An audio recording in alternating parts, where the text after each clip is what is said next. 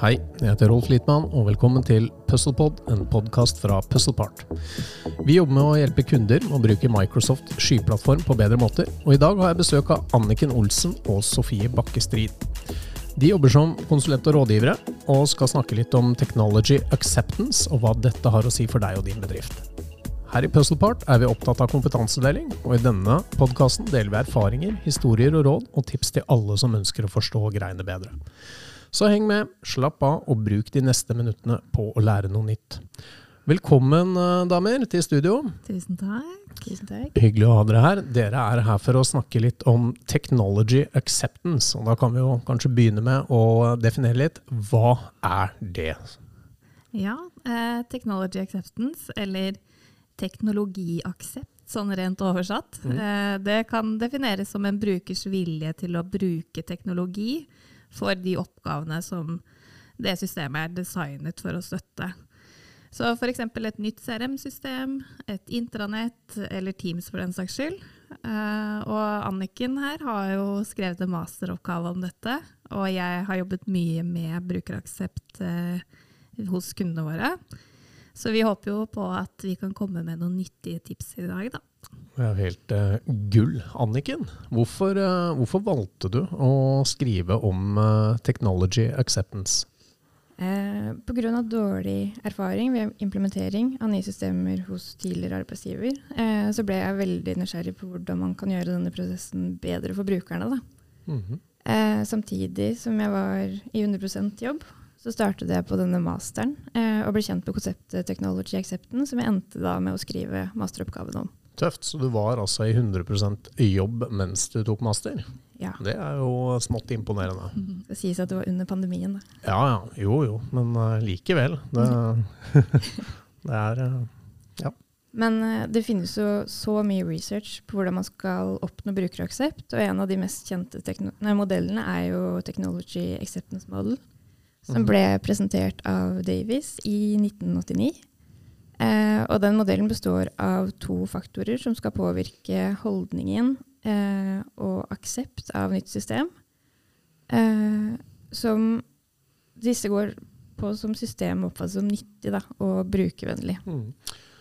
Uh, og hvis jeg ikke husker helt feil, Technology Acceptance Model, det, det forkortes med TAM. Hvis jeg ikke Korrekt. har forberedt meg. Uh, men uh, hva burde egentlig bedrifter være obs på når de skal innføre et nytt system, tenker dere? Jo, som Anniken sa, så må jo systemet oppfattes som nyttig for brukerne. Eh, de må bli informert tidlig og vite hva det nye systemet innebærer, og hvorfor de skal ta i bruk systemet. Hva er målet vårt med det? What's in it for me? Hvorfor mm. skal jeg bruke det? Eh, vi snakker jo ofte om at, system, eh, om at, et system skal gjøre deg mer effektiv. Microsoft er veldig glad i det. Har vi hørt før. ja. ja. Men det høres jo mer ut som at vi må bruke mer eh, tid, eller vi får mer tid til mer arbeid når vi får et system som skal gjøre oss mer effektive. Så vi vil jo egentlig mer ha et fokus på at nå har man tid til den ekstra kaffekoppen med kollegaene sine, sånn at man ikke trenger å være så stressa over alt arbeidet man må gjøre. Mm -hmm. Fordi at systemet da bidrar til en enklere prosess. Eh, ja. Men uh, ja, altså alle er jo veldig glad i eh, ordet effektivt. Nå skal ting bli mer effektivt. Uh, Prata en del om uh, at man får en enklere arbeidsflyt i forhold til at ting blir lettere for deg, og ting går kanskje litt fortere. Mm. Men uh, som du også sier, altså ofte i en sånn implementeringsprosess så vil jo kanskje ting ta litt lengre tid til å begynne med, fordi man ikke kjenner systemet godt nok. Og da er det jo sikkert mange som også oppfatter at det, det er mer tungvint enn den tidligere løsningen. Abs absolutt. Ja. Og det er jo det er jo det å gå fra eh, noe man er kjempevant til. Jeg er vant til å jobbe på denne måten. Hvorfor skal jeg da bytte om på den prosessen og jobbe på en helt ny måte? Mm -hmm. eh, så man må jo gjøre et uh, grundig innsiktsarbeid og utføre en kartlegging. Det er jo kjempeviktig start. Hvilke brukergrupper er det vi har? Og da snakker jeg ikke om personer med, med like titler, eh, men personer som skal da utføre de samme oppgavene i løsningen. Mm. Eh, så alle brukergrupper må være involvert i prosessen og ha sin mening og sine innspill om hvordan deres arbeidsprosess er. Eh, hvilke felter skal vi ha i systemet hvis det er eh, behov for det? Eller andre typer behov som automatisering eller andre ting. Så det man ofte ser, da, vi som konsulenter, er jo at ledere kanskje ofte har et annet syn på selve arbeidsprosessen enn den som faktisk sitter og gjør det til daglig. Så du må på en måte ha med deg de som sitter, uh, sitter nedi det og, og, jobber dypt inn i disse arbeidsprosessene hver dag. Mm. Innsiktsarbeidet har jo også mye å si for senere brukeropplevelse. Eh, det er her vi kan få innsikt i hvilke språk som skal støttes, eh, hvilke design og farger man ønsker. Eh, det er ikke vits i å bruke ord som høres fancy ut. Det er bedre å bruke ord som de ansatte allerede bruker i dag da, på mm. jobb. Ja, det tenker jeg er veldig viktig. At mm. man faktisk er kjent da, med sjargongen mm. som man bruker allerede. Mm. Og det, ofte så blir det jo veldig mye forkortelser. Uh, mm -hmm. Av altså, sånne akronymer uh, som man må lære. Og det vet jeg i hvert fall i forhold til onboarding-prosesser. At det kan være også ganske utfordrende når man skal lære seg alle disse nye forkortelsene, og, som da tydeligvis alle de andre vet ja. hva er. Ja. Absolutt. Ja. Og brukergrensesnittet burde være enkelt. Eh, men innholdet det brukeren faktisk trenger, da, eh, samt at arbeidsprosessen er ganske selvforklarende. At man vet hvor man skal trykke, og, og ha sånn type hjelpetekst da, eh, hvis man er usikker på hva den knappen gjør. Uh, hjelpetekst, uh, yeah. kan du forklare? Det ja, altså det å ta musepekeren over en fane da, eller knapp i systemet, mm. så kommer det opp en sånn liten tekst som forklarer liksom, dette her Uh, denne knappen gjør at du kan eh, skrive ut et dokument, da. Typ. Ja, ja, ja. Ja det det syns jeg personlig er veldig ålreit, når jeg i hvert fall er i nye løsninger. Mm. Um, at du får, Men jeg var ikke klar over at det het hjelpetekst, så da, der lærte jeg noe nytt. Veldig kult. Og det her er jo enkle grep vi kan gjøre i Power-plattformen, uh, men også i andre apper uh, innenfor Microsoft 365. Mm -hmm. mm. Og en viktig ting her da, når det gjelder brukervennlighet og brukergrupper, som jeg nevnte tidligere, så er det også å finne ut om man har personer med spesielle behov i organisasjonen. Så eh, som, eh, som, Anniken var inne på, eh, trenger man hjelpetekst f.eks. Kanskje har man noen svaksynte. Og da må man legge det til rette for at eh, man har denne hjelpeteksten som f.eks. beskriver bilder eller eh, at man holder muspekeren over, og, og, det kan bli lest opp på hva mm. faktisk dette er for noe. Eh, og fargeblindhet, det er flere enn man tror som er fargeblinde. Eh, vi har det i Puzzlepart òg, har kollegaer her som er det. Så eh, da burde man kanskje tenke på å ha noen andre fargevalg og ha høye kontraster som hjelper de, da. Så det, dette er noen små justeringer som vi kan gjøre, som vil gjøre en stor forskjell for disse brukerne. Da. Mm. Og jeg vil jo bare dra inn der eh, også noe Microsoft har vært veldig flinke til å, å, ta med i egentlig hele plattformen, er jo da den engasjerende leser. Absolutt. Om du kan få opplest all tekst eh, med ulike hastigheter og ja. Ikke sant? Eller Teams som også har oversettelsesfunksjon hvis man uh, på, på, innlegg man skriver eller i chat. Så det finnes mange gode verktøy der. Mm -hmm.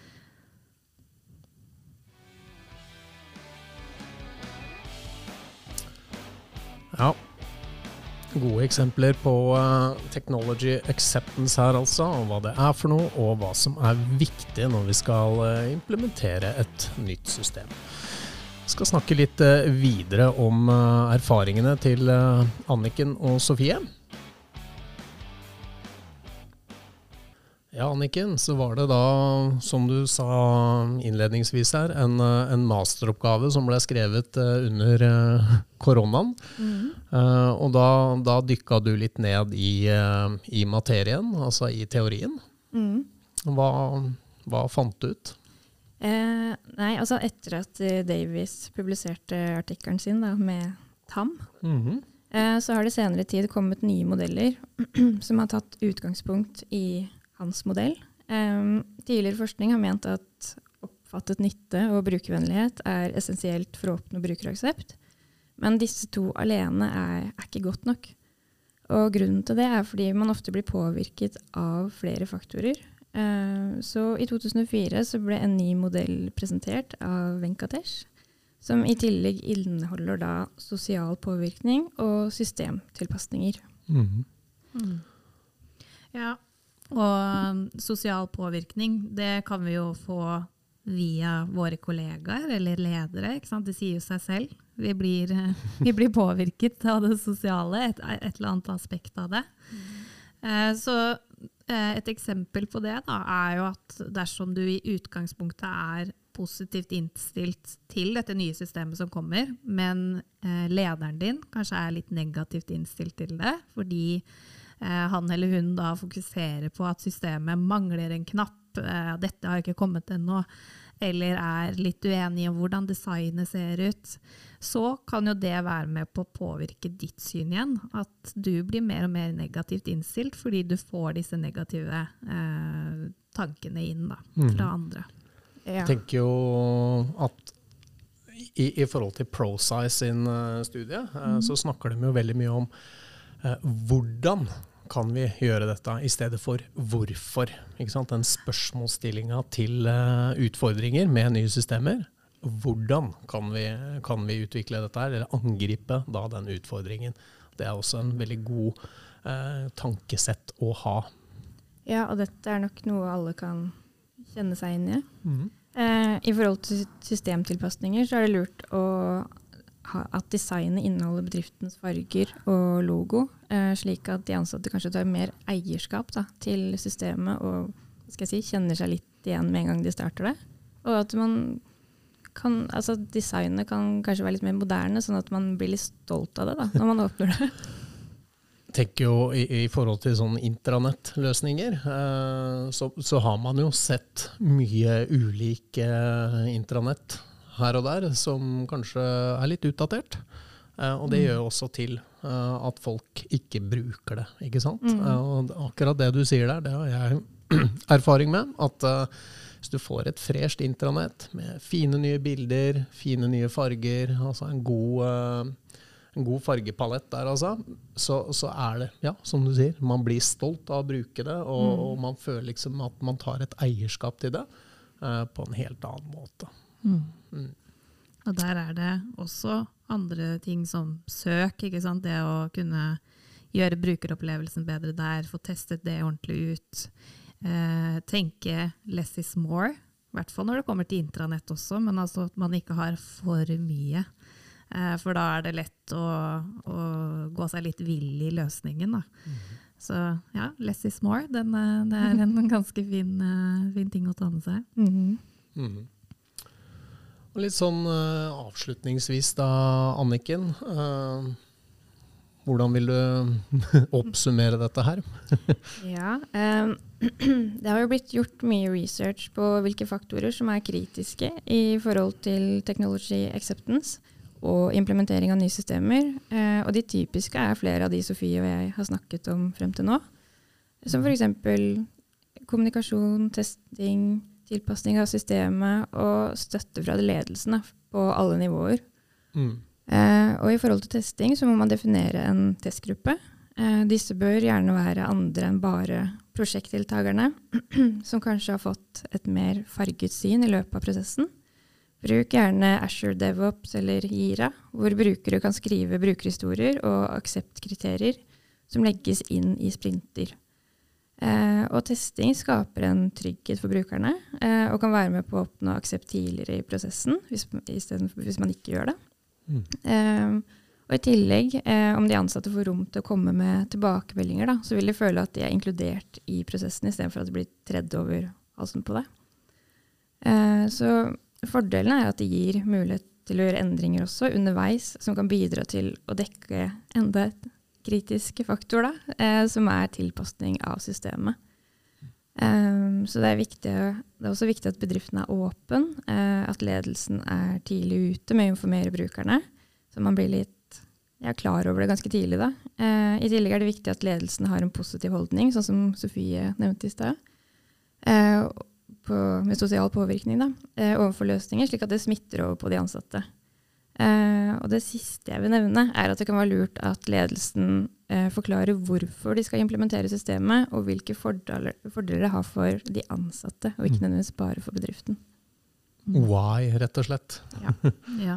Men den er, den er, viktig, den siste der. Altså at man fokuserer på hvorfor skal jeg som en bruker ta i bruk dette systemet. Mm. Ofte så ser man det bare fra organisasjonens side. Mm. Så ja. Mm. Ja, jeg tenker jo at uh, for avslutningsvis uh, fra meg, da, mm. uh, så, så, tenkte jeg skulle ramse opp noen sånne viktige elementer fra, fra en endringsleders perspektiv. og jeg skal prøve meg på en quote som kanskje er litt cheesy å gjøre, men jeg syns at den passer veldig bra. Og det er Benjamin Franklin som sa If you fail to plan, you are planning to fail. Mm. Eh, og den, den, sier veldig mye om akkurat dette at forarbeidet er kjempeviktig. Vi må planlegge. Mm. Eh, vi må gå gjennom og se hvilke elementer er det vi skal gjennomføre før faktisk eh, vi implementerer et nytt system. Men også før, underveis og etter. Mm. så risikokultur kanskje et nytt begrep for noen, men det er egentlig en veldig kjerne her. Hvordan er risikoen for innføringen av et nytt system.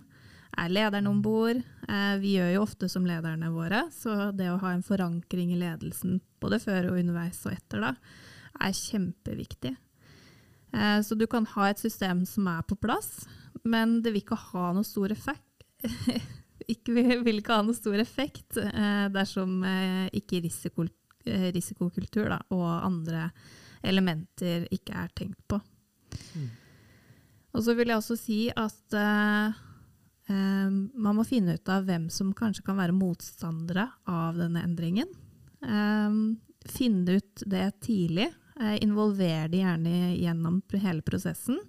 Sånn at de kan komme med meninger, og gjerne kanskje ha noen av de med i testgruppa også, sånn at de, uh, de føler at de også er involvert og med da, på å påvirke denne nye tingen som kommer. Mm. Og så vil jeg gjerne nevne en viktig ting. Det er at dersom man skal innføre et nytt system, så kan det være lurt å dele det opp i faser. Vi var litt inne på det i sted. Men uh, si et uh, CRM-prosjekt, da, så vil det ikke lønne seg uh, å vente med å gå live med en løsning før absolutt alt er på plass for både salg og markedsføringsavdelingen. det vil være en overload av informasjon. Vi trenger å lære oss ting litt steg for steg, så det å dele opp i faser, veldig greit. Eh, og sist, men ikke minst, så er det jo opplæring. Eh, og opplæring, når jeg snakker om det, så mener jeg ikke bare et firetimerskurs. Vi trenger tid på oss for å lære oss nye ting og bli kjent med systemet.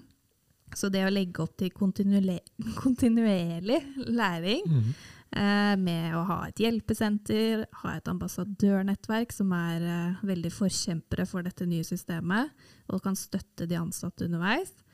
Ha opp, oppfriskningskurs eh, litt én, to, tre måneder etter lansering. Det vil være kjempenyttig for å få denne brukeraksepten. Mm. Og gjerne også med litt små justeringer underveis, dersom det er nødvendig. Sånn at brukerne ser at ok, her er det noe som ikke stemmer helt. Istedenfor at de da skal slutte å bruke det, kan de få en liten justering, sånn at de ser at ok, dette kan bli noe kjempebra. Mm. Mm.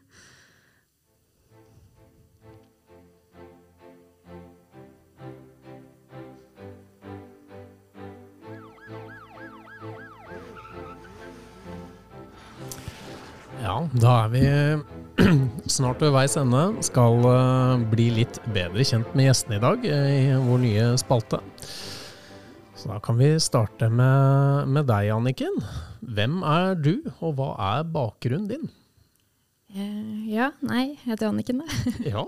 jeg er fra Sarpsborg. Um, jeg starta Altså, jeg tok først en bachelor i markedsføring, uh, men starta å jobbe med logistikk innenfor marine etter det. Og så kom pandemien, og så starta jeg på masteren. Og så starta jeg her i august i fjor. Ja. Så det er det. Det er bra. Og litt sånn uh, fritidssysler, er det noe du liker å drive med på fritiden? Ja, jeg er veldig glad i å strikke. Ja. og så kampsport. Jeg har trent jiu-jitsu en stund nå. Uh, det syns jeg er veldig gøy. Mm. Så er det egentlig det det går i. Ja. Strikking og jiu-jitsu. Ja. Ja. To motpoler. ja. ja, det er bra. Og du da, Sofie? Ja, eh, jeg har jo egentlig bakgrunn som medieviter, så fint som det. Jeg har aldri hatt bruk for det, egentlig, for jeg kom rett inn i IT-verden. Eh, jeg har jobbet med Dynamics CRM da, eh, i åtte år. Jobbet nå i Puzzlepart i snart fire år. Så jeg har bakgrunn da som løsningsarkitekt på, eh, på Dynamics-plattformen. Eh, men jobber nå mye mer med eh, endringsledelse, det å eh, brukeradopsjon, det å få folk til å bruke systemet. Eh, ja. Mm. Og fritidssysler eh, for deg, Sofie, hva, hva innebærer det? Hva liker du å drive med? Ah, Jeg syns det er like vanskelig hver gang noen spør meg om det spørsmålet. Det er sånn, Har du noen hobbies? Ja, jeg liker å ligge på sofaen og se på Netflix, så jeg gjør jo det. Men ja. så har jeg hund, da, så jeg må jo komme meg ut hver dag. Eh, Så blir det sats en gang iblant. Tipp topp. Da har vi fem kjappe her, og da er det litt sånn eh, Jeg stiller et spørsmål, og så svarer dere nesten samtidig. Men dere må gi hverandre litt mellomrom, da, så vi hører. Ok. Ok, så første er eh, PC eller Mac? Mac. Jeg var Mac før, men nå bruker jeg bare PC, så ja. Det var det der. Hjemmekontor eller eh, onsite? Hjemmekontor om jeg har mye, og kontoret hvis det ikke er så mye. ja enig. Nesten 50-50. Mm. Klubb eller pub? Pub. Klubb. Må danse litt. Ja. Film eller serie? Serie. Serie. Så der var vi enige. Mm. Ja, Vi var enige på hjemmekontoret og, og onsite, at det var 50-50. Og den siste, da. Pizza med eller uten ananas? Uten. Det er godt å høre. Vel, det var alt for dagens episode. Du har hørt på Puzzlepod, en podkast fra Puzzlepart. Takk for at du lytta, og takk til Anniken og Sofie for at dere ble med meg i dag. Veldig hyggelig å være her. Absolutt. Sørg for at du abonnerer på podkasten der du hører på podkasts, slik at du aldri går glipp av en episode. Ønsker du å komme i kontakt med oss, så finner du oss på puzzlepart.com, eller så sjekker du oss ut på Instagram eller Facebook for nyheter og spennende oppdateringer. Takk for nå. Ha det. Ha det. Ha det.